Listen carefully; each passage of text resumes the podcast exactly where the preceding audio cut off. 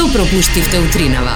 позитивни работи, уште само еден ден до крај на неделава, уште само 5-6 дена до крај на месец и веќе треба да почне да се размислува во насока каде ќе се прославува најлудата ноќ, односно каде ќе одиме за нова година. Леле, каде ќе одиш за нова година? Не сум решил се уште. Замисли за нова година да дојдеш во Скопје. Е, Сите одат некаде надвор, ти да дојдеш во Скопје. Едно време, право да ти кажам, и размислував на, на таа насока. Бев она загрејан за нашата предновогодишна емисија, меѓутоа некако утринава многу брзо ми спласна тој ентузијазам кога е, погледнав некои работи, така да ќе ќе видиме каде ќе ќе завршам јас за новата година. Во секој случај добро е да се има план, а планот секогаш зависи од сите околности кои што нели ги имаме во моментот и на база на тоа се прави едно истражување минимално. и едногласно се решава што е она кое што ќе се прави. А јас се надевам дека сите кои што не слушаат дел од нив, добар дел од нив, веќе и има план, останатиот дел почнува да го крои планот. Малку е доцна веќе да се крои планот, ама се надевам дека ќе стасате на време да го направите планот. Многу е битно е, да почнеш таа насока уште сега, за да не се случи да нема место во минута до 12 Е, и да морам да ти останеш кажам, со празни раце. Морам да ти кажам дека секоја година некаде околу е, летните месеци, плановите за нова година ми се многу помпезни. О, оваа година ќе одам за нова година во Париз. Оваа година ќе одам за нова година во Прага. Оваа година за нова година ќе одам, не знам, е, Ваму знам таму, кажам, тука некаде да. секаде, да, и, на крај како никаде. поминуваат месеците, така се поблиску и поблиску плановите се поместуваат, за да на крај се поместат толку блиску до дневната соба. И секоја година така во круг. И да ти кажам права, се мислев оваа година многу, дали некаде да се патува. Цените, иако може да се најде се уште нешто пристојно, некако една вечера само ако пробам да ги извагам чувствата за таа една вечер и сумата која што треба да ја платам, сумата која што треба да ја платам натежнува многу повеќе. Да, Не знам дали е тоа со годините или со условите или со созревањето, на вистина не знам.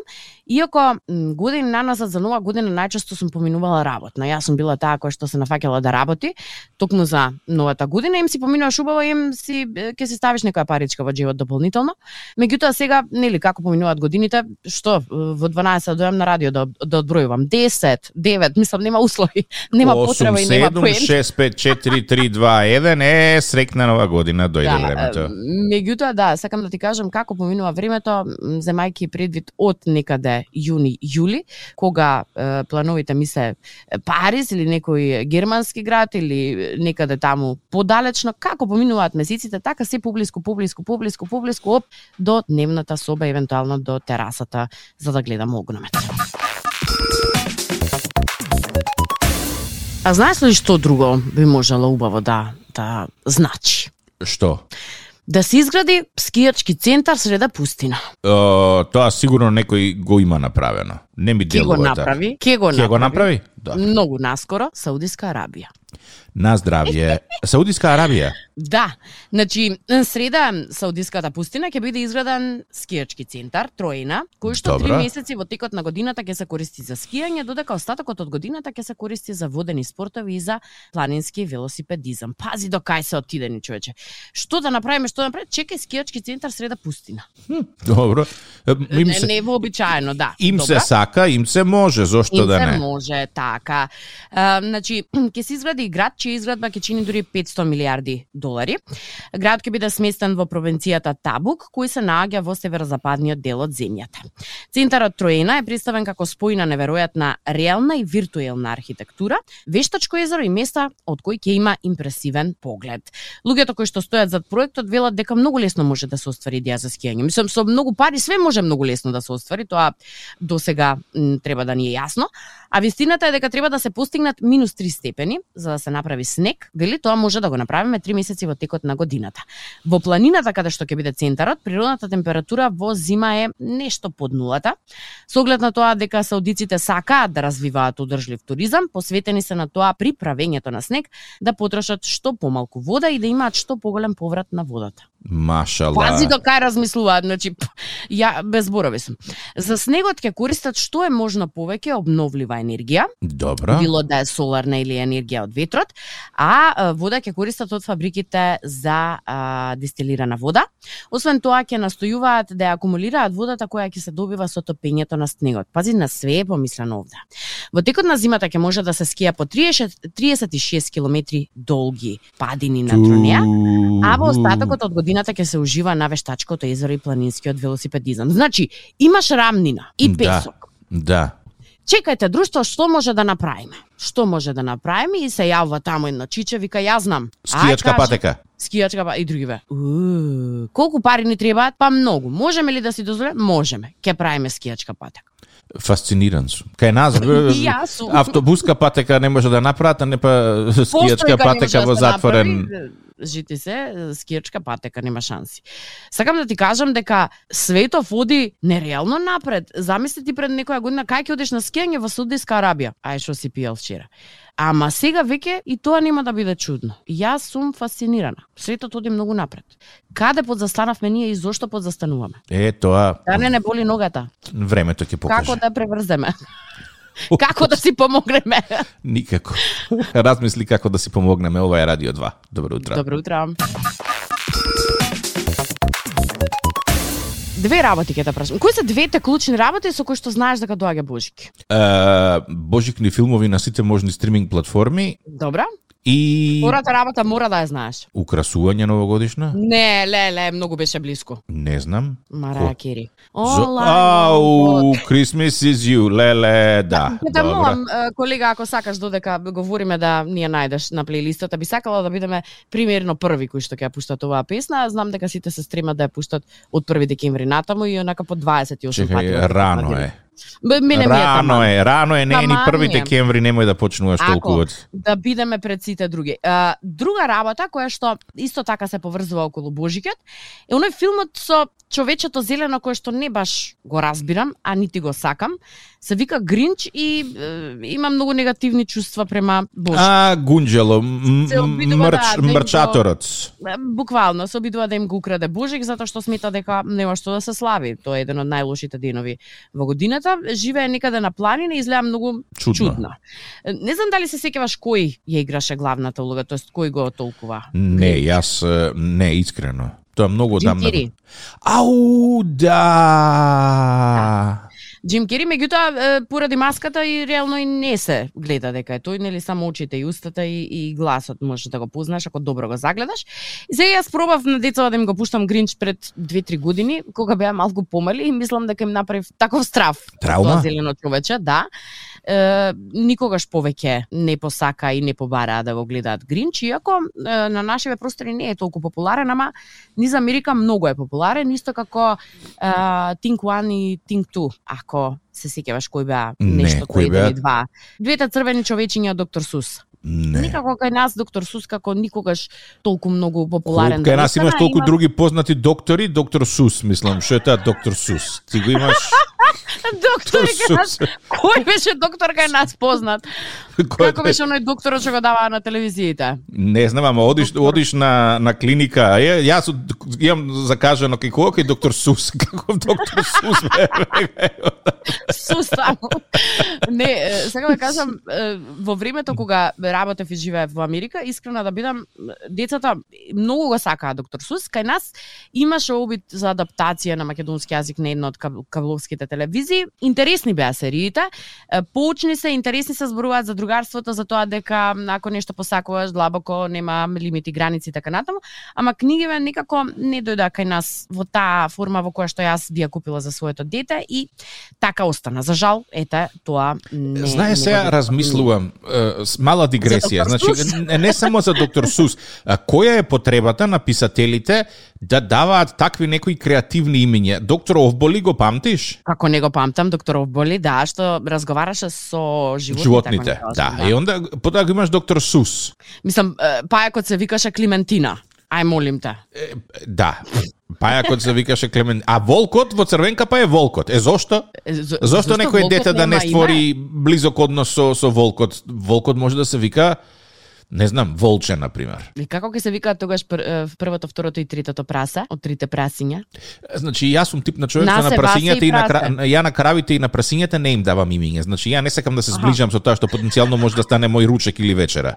Добро, ама Волков сигурно нема да го јадеш, па зошто да не го крстиме? да, да, да, за, зошто да не го Како би крстиме? го викале Волкот? Волчко. Тоа не е име, Климентина е пајак, а Волкот? Клима. Вол, волкот воле. Е, воле, дојди ваму. О, ја не сум вол, јас сум волка. Па добро за една букви, буквиче на крајот, нема врска. Него, е, да, имаме многу приказни во кои што одредени животни немаат име, безимени се, а баш би сакала да, да знам како се викаат, да речеме. Почне да ми паѓаат работи од раз. Пауз. Слушам. Сакам само да ти кажам Гринч 2 има шанси да се да се снима многу наскоро. Тоа беше поентата на на целата информација, така што ако не си ги сплашивте доволно децата со Гринч 1, Гринч 2 е тука за вас наскоро. Добро утро.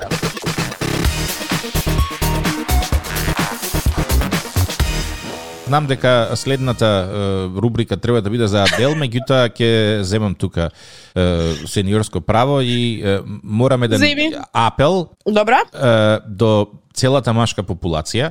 Uh благодарение на едно мое негативно лично искуство кое што ми се случи вчера. Значи, доколку решите да оперирате алат за домакинството со кој што предходно сте немале некоја големо е, искуство, ве молам детално да ги проучите м, упатствата. Е, пред се ова се однесува доколку користите машина за сушење, значи задолжително е да го погледнете такчето кое што го има на а лиштата кои што сакате да ги исушите и да го изберете соодветниот програм. Симав една многу убава кошула која што ми беше така. Една од поомилените, која што вчера по игра на случајноста заврши во контейнер за донирана облека, затоа што програмот за сушење на кој што ја ставив направи истата да биде едно 4 конфекцијски броја помала од таа што треба да биде. Првичниот А ја шок не те и- разбирам. И, и неверување беа огромни. Кога ја видов, реков, у, ова нешто ми се подсмалило, ама не е страшно. Потоа вистината ме удри кога го наврев првиот ракав и видов дека раката баш и не влегува така лесно. Потоа го наврев и вториот ракав и видов дека не можам да ја префрлам кошулата преку грб. Па кога некако успеав да ја префрлам преку грб, видов дека постои едно 3 сантима размак помеѓу дугмињата напред. Реков, па добро, тик-так, можеш да си ја носиш оваа кошула од копчана, баш добро ти стои. За да се погледнам во огледалото и видам дека ракавите се скратени за отприлика 2 сантима и реков, чао. А ќе јас знам точно. Некој друг. за која кошула стануваше збор, а гледаш колку не си креативен, да речеме, да ми се случеше мене тоа, фино лепо ќе ја испеглав, ќе ја е, стокмев и со машничка на кесичето ќе ја подарев за нова година некому. Ја, ја, ја донирав во контейнер за стара облека, ама добро. Так.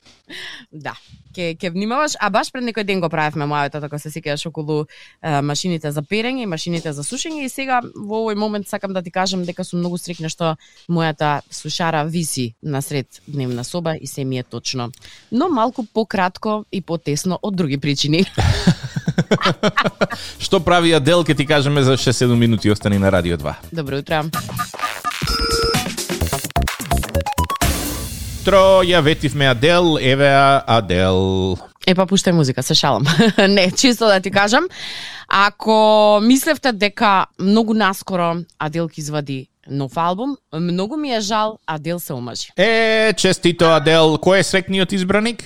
Е, Средниот избраник е истиот тип со кој што неколку години е во врска. Добро. Пол. Од 2021 година се во врска, многу често се шпекулираше дека може би се омажила, па не се омажила и така натаму и така натаму. Еве сега конечно далеко од очите на јавноста решија да си ја кронисаат својата врска со брак. Тоа значи дека им требаат па неколку години ич да не да го конзумираат бракот, а потоа очекувајте нов албум, веројатно инспириран од сето она што се случува во текот на бракот. Значи, е, ако кога ја да чуеме првата песна, ако ја чуеш дека е весела, значи се е добро. Ако чуеш дека е некоја тажна жалопојка, тогаш најверојатно нешто не е во ред со бракот на Адел, Не, па види една работа, оваа девојка или има среќен брак во еден период и ја нема никаде, или се разведува и прави албуми кои што одат до до врвот. И сега се прашувам, ако треба некој од нас да одбере, дали би сакал да биде во среќна врска или би сакал да има најпродаван албум на светот, што би одбрал? Срекна врска. Мада со најпродаваниот албум на светот, потоа може да ти дојде и срекната врска. Знаеш, тоа е тоа е меч со две оштрици. Ама не, а кога ти е срекна врската немаш пари, значи врска или продажба? Е продажба на албум. Добро, јас ќе останам воздржана. Ќе мислите дека сум старомодна, ама сепак тоа се моите Продажба на албум. Не, ќе ти речев да, ако е да. Добро утро, Радио Добро 2. утро.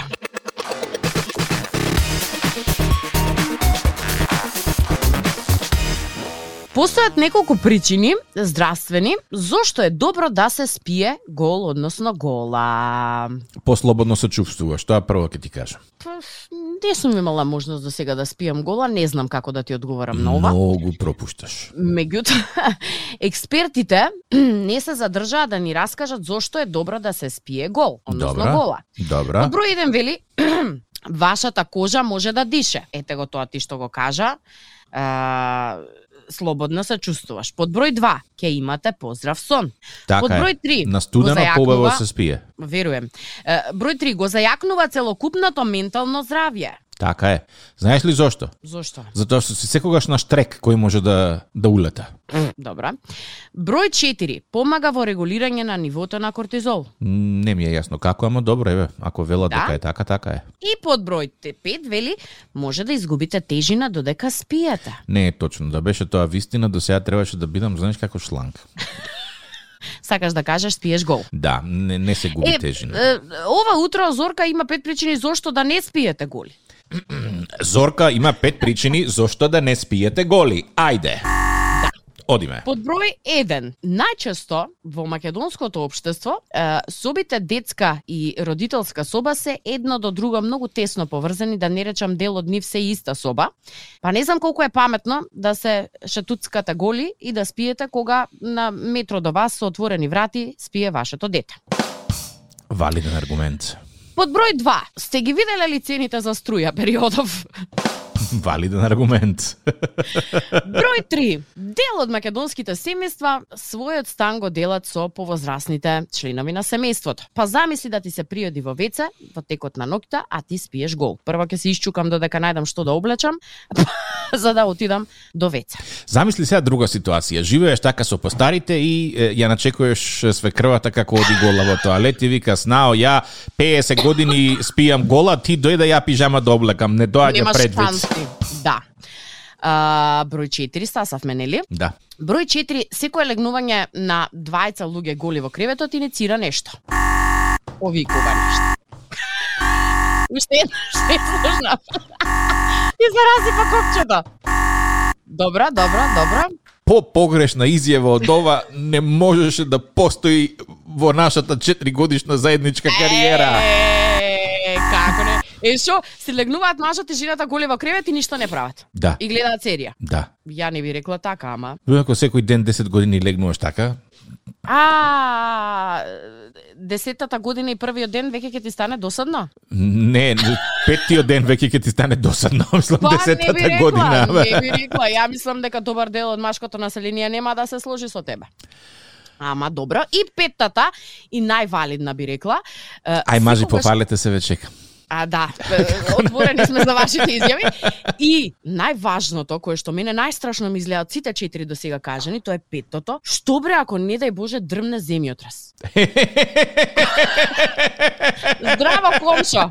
Мислам, Зорке, зошто тоа воопшто би ти било на, на листа на секираци? Ова е доказ колку ние се секираме за некои работи. Као, леле, ја вечер нема да спијам гол што ако се деси земјотрес. А веројатноста да се случи земјотрес е, е еден во не знам колку стотици илјади. Ама шо ако баш тој еден во стотици илјади се случи еве вечерва, не Па дали сериозно мислиш дека ако се случи земјотрес некој ќе биде баш она шокиран што ти гола си спиела? Еве, деца ви излегуваат, супругот излегува, Зорка каја, чекај се облекува.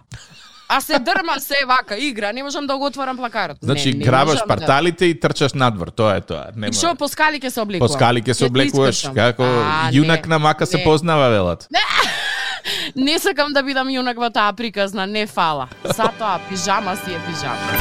На Радио 2, секој работен ден од 7.30. Будење со Тик-так и Зорка. Во случај на неконтролирано смеење и симптоми на позитивно расположение, консултирайте се со вашиот лекар или фармацевт.